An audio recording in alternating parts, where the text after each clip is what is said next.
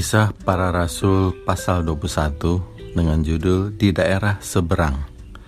Pasal ini berdasarkan buku kitab Kisah Para Rasul 16 ayat 7 sampai 40.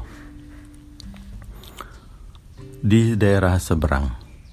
Waktunya telah tiba agar Injil diberitakan di seberang ke perbatasan Asia Kecil Jalan itu adalah untuk menyediakan bagi Paulus dan teman-teman sekerjanya untuk menyeberang ke Eropa.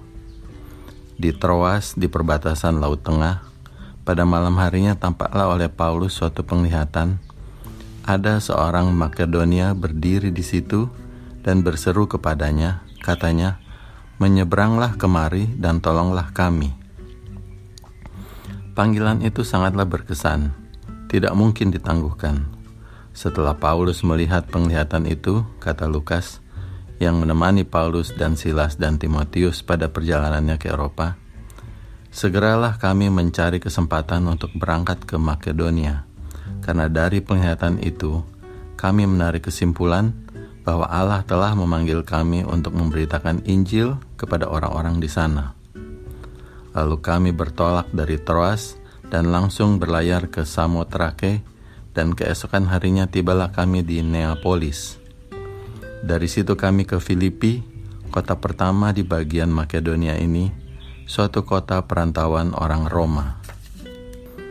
Pada hari Sabat, Lukas meneruskan, kami keluar pintu gerbang kota, kami menyusuri tepi sungai, dan menemukan tempat-tempat sembahyang orang Yahudi yang sudah kami duga ada di situ Seorang daripada perempuan-perempuan itu yang bernama Lydia turut mendengarkan. Ia seorang penjual kain ungu dari kota Tiatira yang beribadah kepada Allah. Tuhan membuka hatinya. Lydia menerima kebenaran dengan sangat senang hatinya. Ia dan kaum keluarganya bertobat dan dibaptiskan, dan ia memohon kepada rasul-rasul untuk menjadikan rumahnya sebagai rumah mereka sendiri. Sementara pesuruh-pesuruh salib pergi melakukan pekerjaan mengajar, seorang hamba perempuan yang mempunyai roh tenung berseru, Orang-orang ini adalah hamba Allah yang maha tinggi. Mereka memberitakan kepadamu jalan pada keselamatan. Hal itu dilakukannya beberapa hari lamanya. Perempuan ini adalah alat yang istimewa dari setan dan telah membawa kepada tuannya banyak keuntungan oleh jampi-jampinya. Pengaruhnya telah menolong menguatkan penyembuhan berhalanya.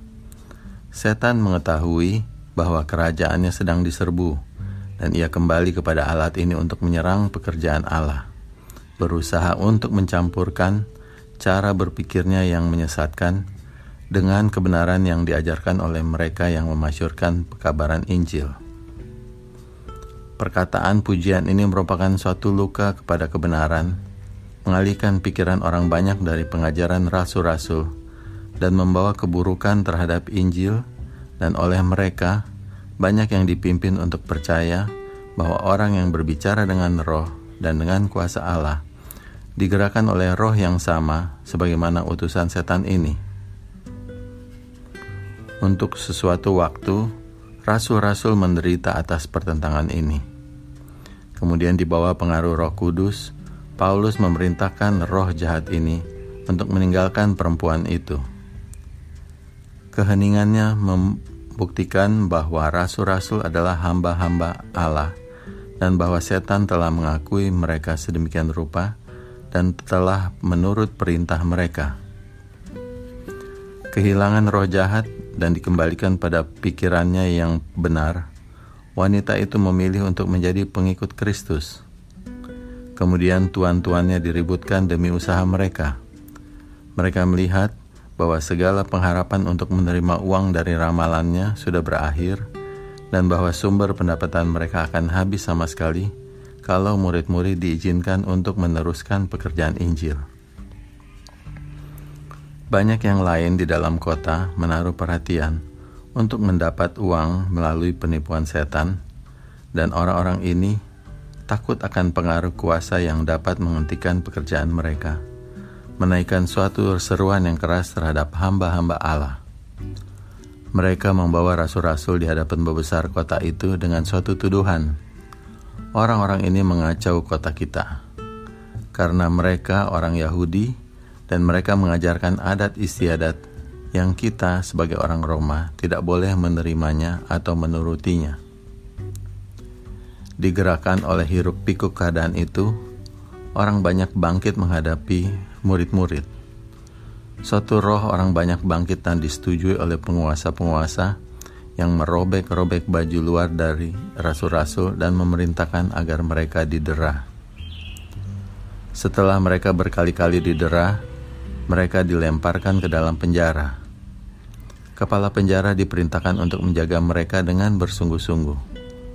Sesuai dengan perintah itu, kepala penjara memasukkan mereka ke ruang penjara yang paling tengah dan membelenggu kaki mereka dalam pasungan yang kuat.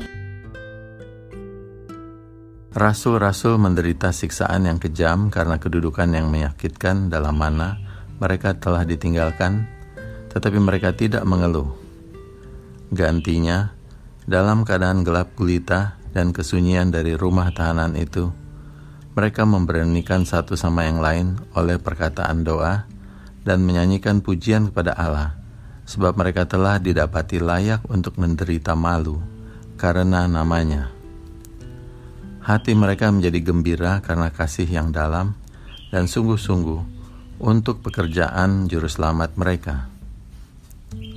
Paulus memikirkan penganiayaan di mana ia telah menjadi alat dalam membawa murid-murid kepada Kristus dan ia bersuka sebab matanya dapat terbuka untuk melihat dan hatinya merasa ada kuasa kebenaran yang mulia pada suatu waktu telah dihinakannya. Dengan keheran-heranan, orang-orang penjara yang lain mendengar bunyi doa dan nyanyian keluar dari dalam penjara. Mereka sudah biasa mendengar jeritan dan pengeluhan, kutukan dan sumpah, memecahkan ketenangan pada saat waktu malam. Tapi belum pernah sebelumnya mereka mendengar perkataan doa dan nyanyian puji-pujian naik dari sel yang gelap itu. Pengawal-pengawal dan orang-orang penjara keheran-heranan dan bertanya kepada diri sendiri, siapakah orang ini? Apakah mungkin mereka karena kedinginan, lapar, dan dianiaya, namun masih dapat bersuka-suka? Dalam pada itu, pembesar-pembesar kota itu kembali ke rumah mereka masing-masing mengucap syukur pada mereka sendiri bahwa oleh tindakan yang cepat dan mengambil keputusan itu, mereka telah menenangkan suatu keributan. Tetapi di tengah perjalanan mereka telah mendengar keterangan-keterangan lebih lanjut tentang tabiat dan perbuatan orang-orang yang telah dihukum dengan deraan dan pemenjaraan. Mereka melihat perempuan yang telah dibebaskan dari pengaruh setan dan ditimpa dengan perubahan dalam wajahnya dan kelakuannya. Pada waktu yang lalu, ia telah membawa kesusahan kepada kota itu. Sekarang ia tenang dan damai. Sementara mereka menyadari bahwa dalam segala kemungkinan, mereka telah kenakan dua orang yang tidak bersalah terhadap undang-undang yang kaku dari hukum Roma mereka sendiri, marah kepada diri sendiri, dan memutuskan bahwa di waktu pagi mereka akan memerintahkan murid-murid untuk dibebaskan sendirian dan dikawal dari dalam kota tanpa kekerasan dari orang banyak. Tetapi sementara manusia kejam dan ingin membalas dendam atau lalai dalam tanggung jawab yang serius yang ditanggungkan pada mereka, Allah tidak lupa menunjukkan rahmatnya kepada hamba-hambanya Segala langit mempunyai perhatian pada manusia yang sedang menderita untuk nama Kristus, dan malaikat-malaikat dikirim untuk mengunjungi penjara. Dengan langkah mereka, dunia gemetar. Pintu-pintu penjara yang dipalangkan dengan kuatnya terbukalah. Rantai dan belenggu jatuh dari tangan, kaki orang-orang tahanan, dan suatu cahaya yang terang memenuhi penjara itu. Penjaga penjara telah mendengar dengan keheranan doa dan nyanyian rasul-rasul yang dipenjarakan itu. Waktu mereka dipimpin ke dalam, ia telah melihat kaki yang bengkak dan luka yang berdarah, dan ia sendiri telah menyebabkan kakinya dipasung. ia telah mengharapkan untuk mendengar dari mereka rintihan yang pahit dan kutukan. Tetapi gantinya, ia mendengar nyanyian kesukaan dan pujian. Dan bunyi-bunyian ini masuk ke telinganya, orang penjara ini tertidur, dari mana ia terbangun oleh gempa bumi dan goncangan dinding-dinding penjara.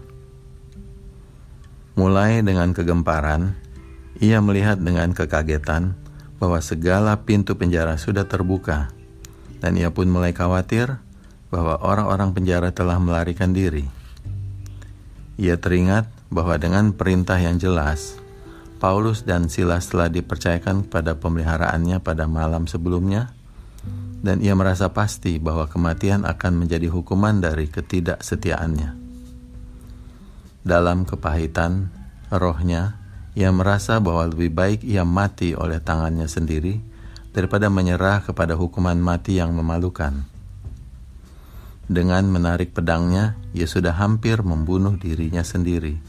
Bila suara Paulus kedengaran dalam perkataan kegembiraan, "Jangan celakakan dirimu, sebab kami semuanya masih ada di sini."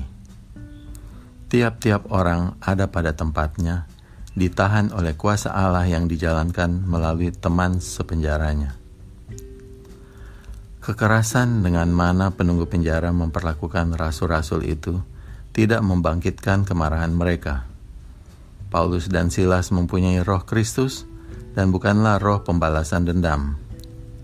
Hati mereka yang diisi dengan kasih juru selamat tidak mempunyai tempat untuk kebencian terhadap penganiaya-penganiaya mereka.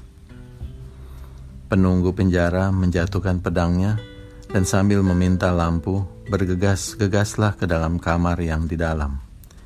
Ia mau melihat Orang yang bagaimanakah orang ini yang membalas kebengisan dengan kebaikan dengan mana mereka telah diperlakukan? Sampai ke tempat di mana rasul-rasul berada dan menundukkan dirinya sendiri di hadapan mereka, ia meminta pengampunan mereka. Kemudian dengan membawa mereka keluar ke lapangan yang terbuka, bertanyalah, Tuan, Tuan, apakah yang harus aku perbuat supaya aku selamat?' Penunggu penjara itu gemetar bila ia melihat kemarahan Allah dinyatakan dalam gempa bumi itu. Bila ia memikirkan bahwa orang yang dipenjarakan itu telah melarikan diri, ia sedia untuk mati oleh tangannya sendiri.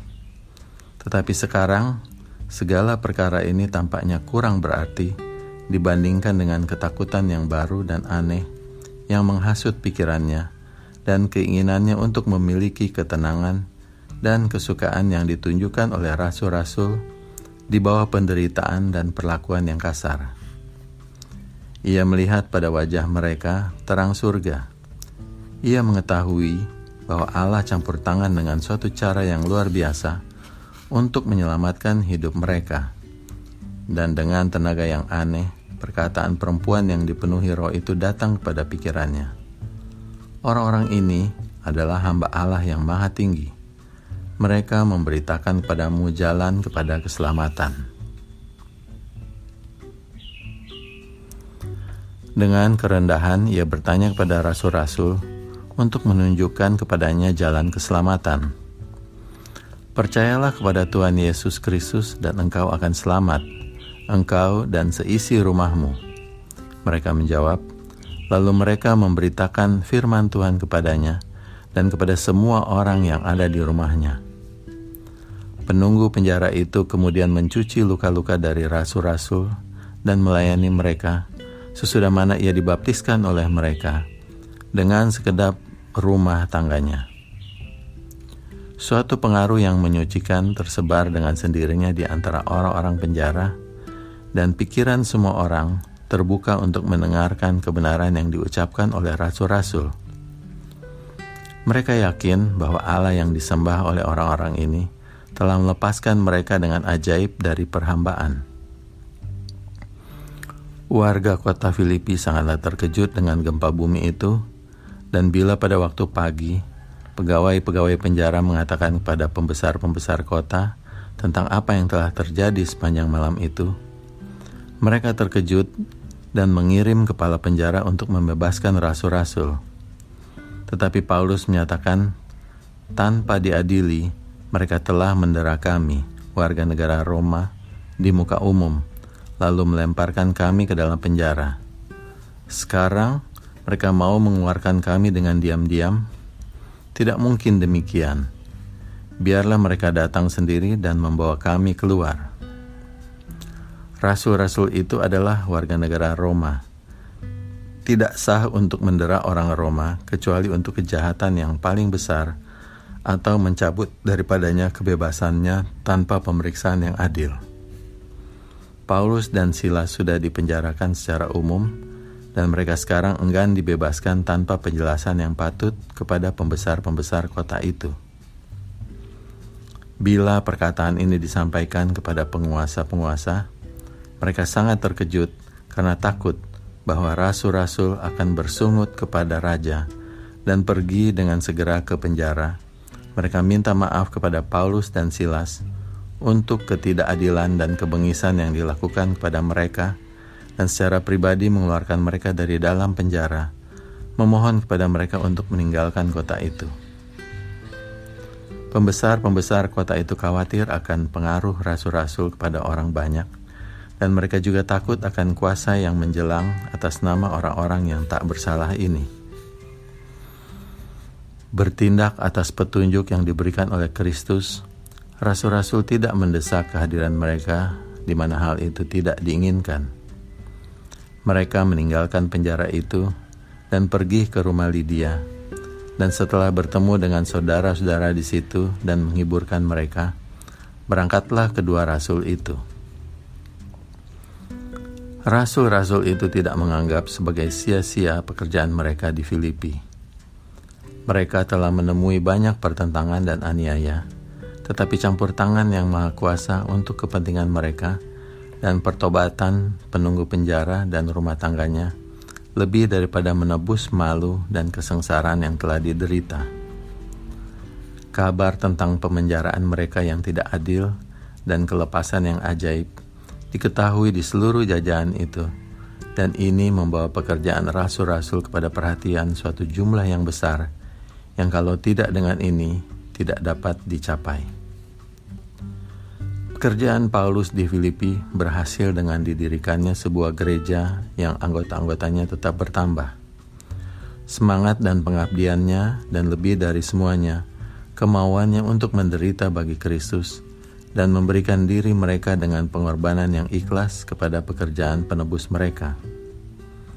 Bahwa sidang ini tidak luput dari aniaya ditunjukkan oleh suatu ucapan dalam surat Paulus kepada mereka ia mengatakan, "Sebab kepada kamu dikaruniakan bukan saja untuk percaya kepada Kristus, melainkan juga untuk menderita untuk Dia, dalam pergumulan yang sama seperti yang dulu kamu lihat padaku, dan yang sekarang kamu dengar tentang Aku." Tetapi demikianlah keteguhan mereka dalam iman, sehingga ia menyatakan, "Aku mengucap syukur kepada Allahku setiap kali aku mengingat kamu." dan setiap kali aku berdoa untuk kamu semua, aku selalu berdoa dengan sukacita.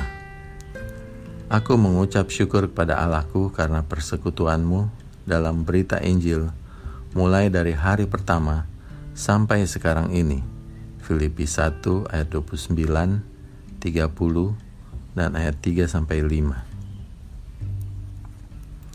Kengerian adalah pergumulan yang terjadi antara kuasa kebaikan dan kejahatan di pusat-pusat penting di mana pesuruh-pesuruh kebenaran dipanggil untuk bekerja. Karena perjuangan kita bukanlah melawan darah dan daging, Paulus menerangkan, tetapi melawan pemerintah-pemerintah, melawan penguasa-penguasa, melawan penghulu-penghulu dunia yang gelap ini, melawan roh-roh jahat di udara. Efesus 6 ayat 12 Sampai berakhirnya waktu akan ada pergumulan antara sidang Allah dan mereka yang dibawa kuasa malaikat-malaikat jahat. Setiap orang Kristen yang mula-mula sering dipanggil untuk menemui kuasa-kuasa kegelapan muka dengan muka. Oleh cara berpikir yang menyesatkan dan oleh penganiayaan, musuh berusaha membalikan mereka dari iman yang benar. Pada waktu sekarang ini, bila segala perkara yang di dunia ini akan segera berakhir, setan akan melakukan segala usaha untuk menjerat dunia ini. Ia memikirkan banyak rencana untuk menguasai pikiran dan untuk mengalihkan perhatian dari kebenaran yang perlu untuk keselamatan. Dalam setiap kota, agen-agennya sedang sibuk mengorganisasi ke dalam partai-partai mereka yang menolak hukum Allah. Penipu yang besar sedang bekerja untuk memasukkan unsur-unsur kekacauan dan pemberontakan, dan orang-orang sedang dibakar dengan semangat yang tidak sesuai dengan pengetahuan. Kejahatan sedang mencapai ketinggian yang belum pernah dicapai sebelumnya, dan meskipun begitu, ada banyak pendeta Injil yang berseru, damai dan sejahtera. Tetapi pesuruh-pesuruh Allah yang setia harus berjalan secara terus-menerus dengan pekerjaan mereka. Dipakaikan dengan kelengkapan senjata surga, mereka harus maju dengan tak gentar dan penuh kemenangan. Tidak pernah menghentikan peperangan sampai setiap jiwa dalam jangkauan mereka akan menerima kabar kebenaran untuk waktu ini. Kisah para Rasul pasal 21 di daerah seberang.